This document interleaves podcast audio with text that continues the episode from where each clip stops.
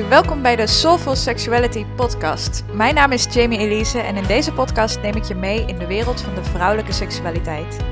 Ik heb zelf 10 jaar last gehad van vaginisme of pijn tijdens het vrijen, maar bevind me nu met regelmaat in de zevende sekshemel. En in deze podcast ontdek je hoe jij hetzelfde kunt bereiken. Want seksueel genot is je geboorterecht en dat hoeft niet gefaked of genegeerd te worden. Hey, superleuk dat je weer luistert naar een nieuwe aflevering van de Soulful Sexuality podcast.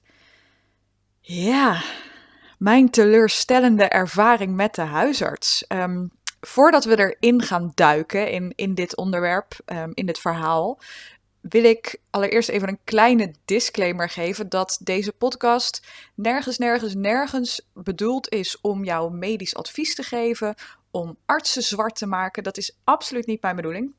Het is mijn intentie om jou te laten inzien dat er meerdere wegen naar een pijnvrij seksleven zijn. En dat je niet hoeft op te geven na één teleurstellende ervaring. Um, en de reden dat ik deze podcast maak is dat um, hoe meer vrouwen ik spreek over vaginisme, hoe meer verhalen ik hoor van inderdaad huisartsen die zeggen dat er niets aan te doen is, gynaecologen die niet zo goed weten wat ze ermee aan moeten of op een hele rare manier reageren. Um, vrouwen die inderdaad bij de bekkenbodemspecialist heel goed kunnen ontspannen, maar waarbij het um, in de slaapkamer nog steeds niet lukt. Vrouwen die soms jaren bij de seksuoloog lopen zonder resultaat. Dit kan allemaal zo, zo demotiverend zijn. Um, en dat is, ja, het, het, het is natuurlijk al ontzettend moeilijk om die stap naar hulp te zetten. Ik zeg altijd, vaginisme overwinnen is echt niet zo moeilijk. Het is, het is die stap naar hulp zetten, het doorbreken van die stilte, van die schaamte, van het taboe. Dat is wat moeilijk is. Um, en als je dat eenmaal gedaan hebt, kan het natuurlijk extra demotiverend werken als je er vervolgens achter komt dat er niet zoveel gebeurt. Um, dat de persoon van wie jij dacht dat hij of zij jou ging helpen, jou er helemaal niet van af kan helpen. Um, dus dat is, dat is de reden dat ik deze podcast opneem. Ik heb geen medische achtergrond, ik ben geen arts. Dit is niet bedoeld om, om artsen zwart te maken, om wie dan ook zwart te maken. Um, ik ben al voor artsen. Uh, maar ik ben ook al voor um, zien dat er, dat er meerdere wegen naar Rome zijn. Of in dit geval naar een pijnvrij seksleven, naar die zevende sekshemel. En dat, het, dat jij de weg mag vinden die bij jou past. Een andere reden dat ik, dat ik deze podcast opneem, is dat ik eigenlijk um, verbaasd ben over het feit dat ik me pas heel recentelijk realiseerde dat, dat ik een vreemde, teleurstellende ervaring met mijn huisarts heb gehad. Dit, dit wordt dadelijk allemaal duidelijker, dat beloof ik je. Maar het was net alsof ik, um, alsof ik er niet bij stilstond op dat moment hoe raar het was wat mijn huisarts deed en hoe mijn huisarts, huisarts reageerde omdat ik er zelf zo van overtuigd was dat er iets mis met me was. Omdat seks pijnlijk was, omdat penetratie niet lukte. Um, en daardoor zag ik de reactie van mijn huisarts eigenlijk enkel als bevestiging. Um, en stelde ik er verder geen vragen bij. Nu pas, jaren later, nu ik er helemaal uit ben, zeg maar, um, realiseer ik me hoe raar die reactie van mijn huisarts eigenlijk was. Dus dat is ook de reden dat ik deze podcast opneem. Ik, nogmaals, ik kan het niet vaak genoeg zeggen. Ga altijd naar een arts als je last hebt van pijn tijdens het vrije. Want misschien heb je wel een infectie. En, en weet je, je moet dat echt, echt eerst uitsluiten. Je kan niet zelf um, met een natte vinger in de lucht bepalen dat je, dat je vaginisme hebt.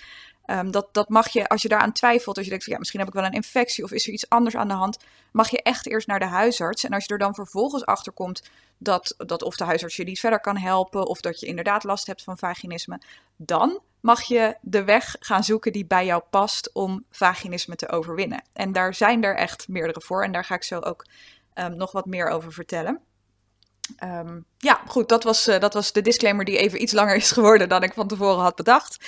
Maar ik vind dat wel uh, heel belangrijk om, uh, om erbij te vermelden. Dat, dat, dat dit echt puur gaat over het delen van ervaringen, het creëren van bewustwording en niet over het zwart maken van artsen of specialisten. En het is al helemaal niet bedoeld als vervanging voor medisch advies, want dat kan ik helemaal niet. Oké, goed. Dan gaan we nu in het, uh, duiken we in het onderwerp. Want zoals ik al zei, realiseer, realiseerde ik me eigenlijk heel kort geleden pas dat ik een beetje een vreemde, teleurstellende ervaring met mijn huisarts heb gehad. Inmiddels zes of zeven jaar geleden ik was een jaar of 2, 23 en um, ik, ik zat bij de huisarts omdat ik een verkeerde uitslag had van mijn uitstrijkje. Ik was al eerder bij de huisarts geweest voor een SOA-test. Ik, in die periode doorstond ik seks nog gewoon met mijn kiezen op elkaar. Um, omdat ik ervan overtuigd was dat mijn partner me anders zou verlaten als ik hem geen seks kon geven. En nou, heel verhaal over mijn gebrek aan eigenwaarde in die periode, maar dat is, dat is een heel ander verhaal. Um, ik was bij de huisarts geweest voor een SOA-test. Nou, ik had geen SOA, maar ik had wel een verkeerde papuitslag. Dat, ik weet eigenlijk niet eens meer wat dat is. Dat is dan pap 1 of pap 2. En dat betekent dan eigenlijk dat je, dat je um, verkeerde cellen in je baarmoeder hebt die op een gegeven moment uit zouden kunnen groeien tot kankercellen.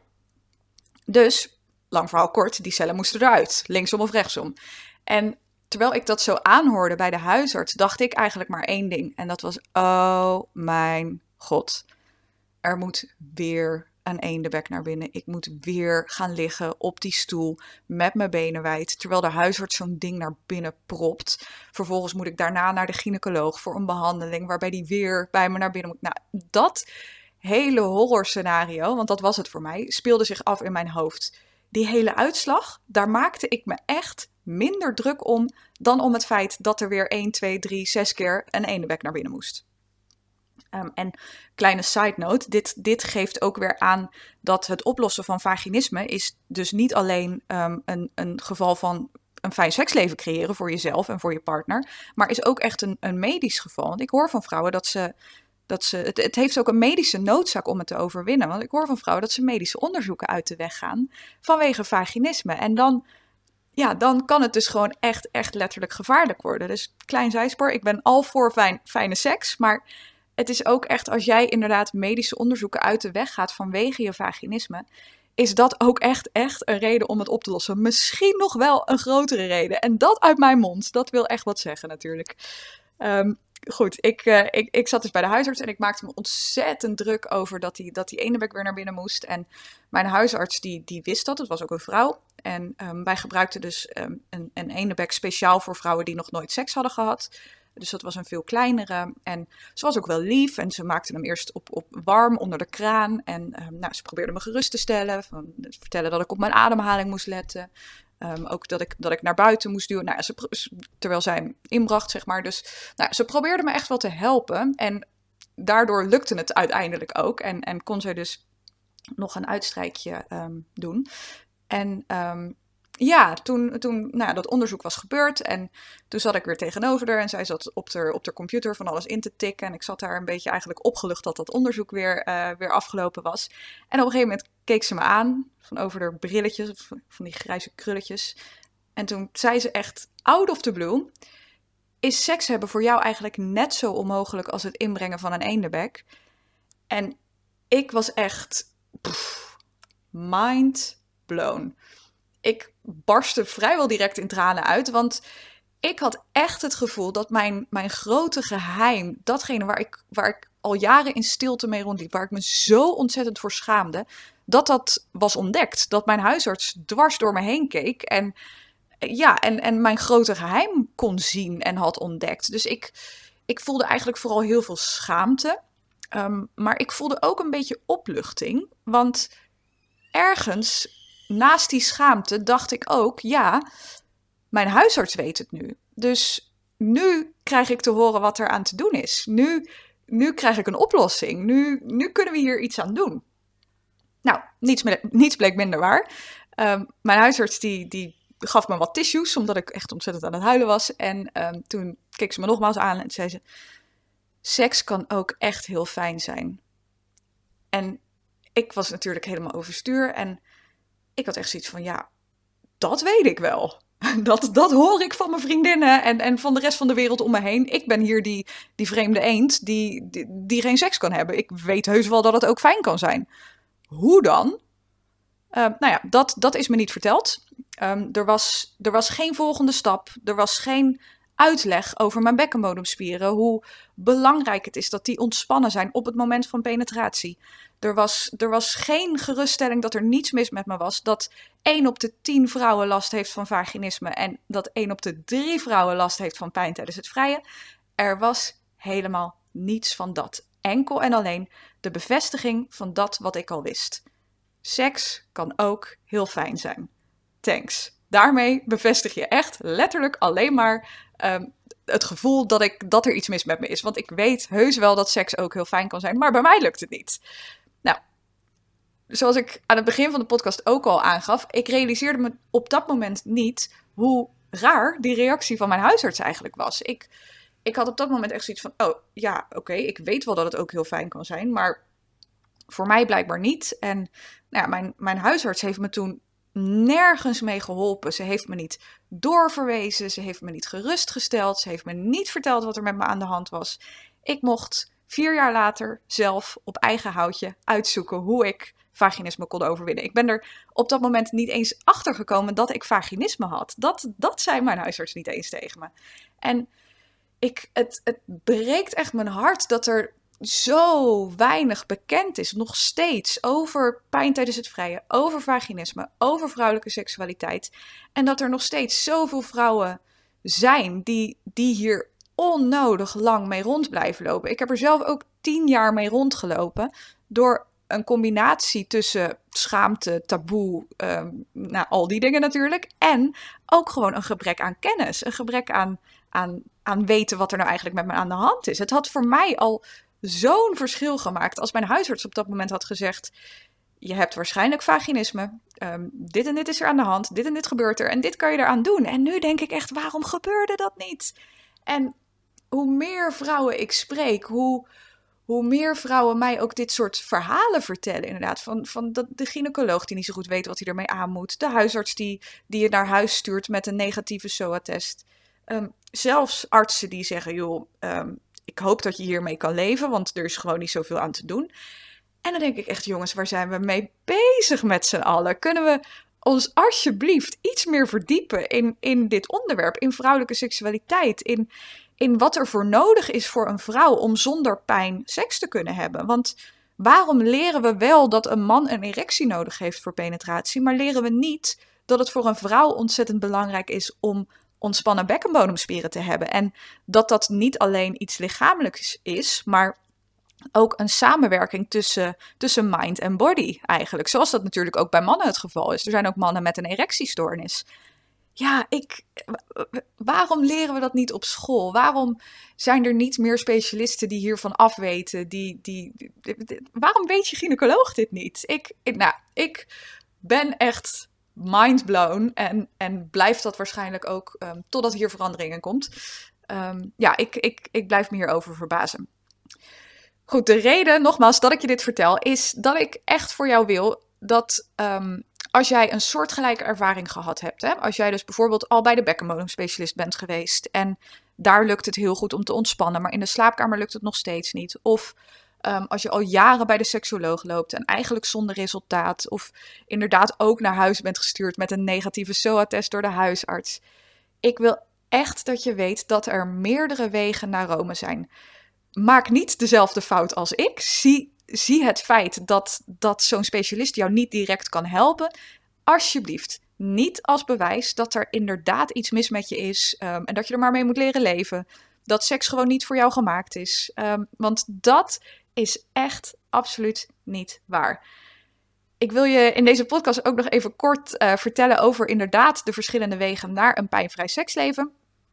Um, waarbij ik het inderdaad ook nog echt belangrijk vind om te vermelden dat je eerst um, voor jezelf zekerheid krijgt in het feit dat je vaginisme hebt. En bijvoorbeeld geen infectie die pijn veroorzaakt. En dat is iets waar je huisarts um, goed naar kan kijken. Als je huisarts inderdaad vaststelt dat je geen infectie hebt. En ja, nogmaals, ik kan geen medisch advies geven. Maar wij vrouwen zijn ten eerste knetter intuïtief. En ten tweede, het is jouw lichaam. Dus jij weet het beste wat er aan de hand is. Als jij hier inderdaad al jaren last van hebt ja, sorry, maar als het dan een infectie was geweest, dan, dan had je hele vagina er niet meer gezeten waarschijnlijk. Dan was die al lang... Uh... Nou goed, ik, ik ben hier iets te visueel voor ingesteld, dus ik ga, ik ga daar geen hele beeldvorming van maken. Maar je snapt wat ik bedoel. Goed, de verschillende wegen naar een pijnvrij seksleven. Je kan naar de bekkenbodemspecialist en de seksoloog. Um, de reden dat ik zeg bekkenbodemspecialist en seksoloog is omdat beide een ander onderdeel aanpakken van um, datgene wat belangrijk is. Klinkt heel vaag. Ik ga het uitleggen voor je. De bekkenbodemspecialist die zorgt er echt voor dat jij kan ontspannen.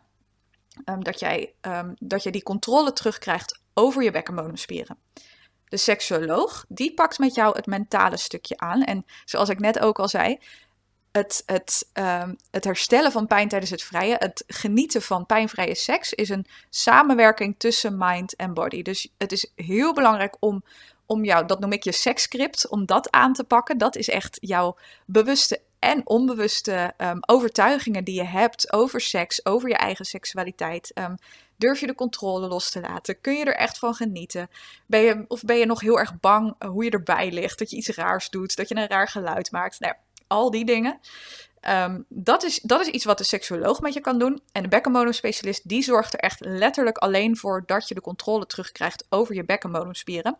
En dat is ook meteen de reden dat, dat heel veel vrouwen teleurgesteld bij de bekkenbodemspecialist vandaan komen. Omdat, um, omdat ze dus wel kunnen ontspannen in de behandelkamer, maar niet die gedachten rond seks en hun eigen seksualiteit hebben onderzocht. Um, en daarmee dus eigenlijk maar half werk hebben verricht. En de slaapkamer is natuurlijk een hele andere situatie dan de behandelkamer bij de bekkenbodemspecialist. Um, en dat is de reden dat, dat vaak een traject bij de bekkenbodemspecialist alleen niet genoeg is voor vrouwen met vaginisme. Als jij bijvoorbeeld chronisch stress opslaat in je bekkenbodemgebied en daardoor heel erg verkrampt, dan kan het zijn dat, dat er iets anders aan de hand is en, en dat, je, dat je inderdaad wel baat hebt bij um, bij een uh, behandeling bij de bekkenbodemspecialist. Goed, dat is dus de bekkenbodemspecialist en de seksoloog. Um, daarnaast zijn er nog andere, andere trajecten die je kunt doen. Je kunt zelfs botox in je bekkenbodemspieren laten spuiten. Mijn keus zou het niet zijn, is het ook niet geweest. Uh, maar ieder zijn ding, zou ik zeggen. Um, als je botox in je bekkenbodemspieren laat spuiten, dan uh, verslappen die spieren. Of dan, ja, verslappen die spieren is misschien niet helemaal het juiste woord, want dan laat je ook continu je plas lopen en zo. Dat lijkt me niet handig. Uh, maar in ieder geval, je kunt er botox in laten spuiten en dat maakt de seks uh, pijnloos. Of in ieder geval minder pijnlijk. Um, ja, nogmaals, mijn, mijn weg zou het niet zijn en is het ook niet geweest.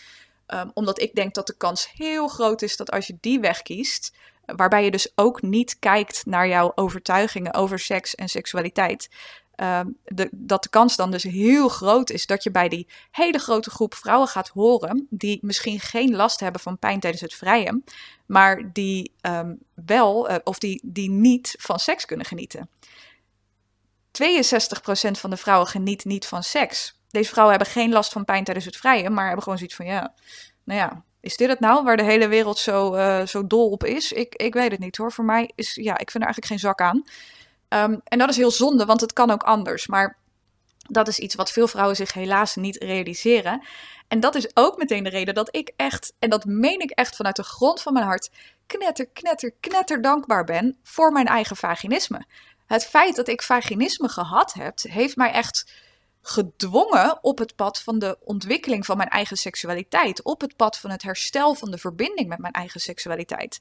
Als ik geen vaginisme had gehad, was de kans heel groot geweest dat ik ook bij die groep vrouwen had gehoord. Dat ik gewoon had gedacht: ja, is dit nou seks? Is dit het nou? Ja, weet je, het zal wel. Um, want dat is gewoon wat gebeurt in een wereld waarin seksuele voorlichting, uh, porno, etc. nog heel erg wordt weergegeven vanuit de mannelijke kijk op seks. En die is echt heel anders dan, dan vrouwelijke seksualiteit. Uh, maar dat is wederom een, een, verhaal voor een andere keer. Maar dat, dat, dat, dat is wat gebeurt. We leren niets over onze eigen seksualiteit. We leren niets over vrouwelijke seksualiteit. Over de verschillen tussen mannelijke en vrouwelijke seksualiteit. Dus als, als jij seksueel gewoon functioneert, om het maar even zo te zeggen, maar je er niet van geniet, dan is de kans ontzettend groot dat je gewoon zoiets hebt van ja, oké, het zal wel. Dit zal het wel zijn. Goed, dus dat, uh, dat was het, het botox-verhaal. Um, er is in Engeland is er ook een vaginisme-kliniek, waar je, daar kan je opgenomen worden. Dan moet je wel uh, flink wat centen hebben, zeg maar. Maar um, het kan. Dan word je daar een paar weken opgenomen en uh, dan gaan ze je daarvan je vaginisme afhelpen. En dan is er natuurlijk, tromgeroffel, de vaginisme-coach. Nou, drie keer raden waar ik helemaal fan van ben.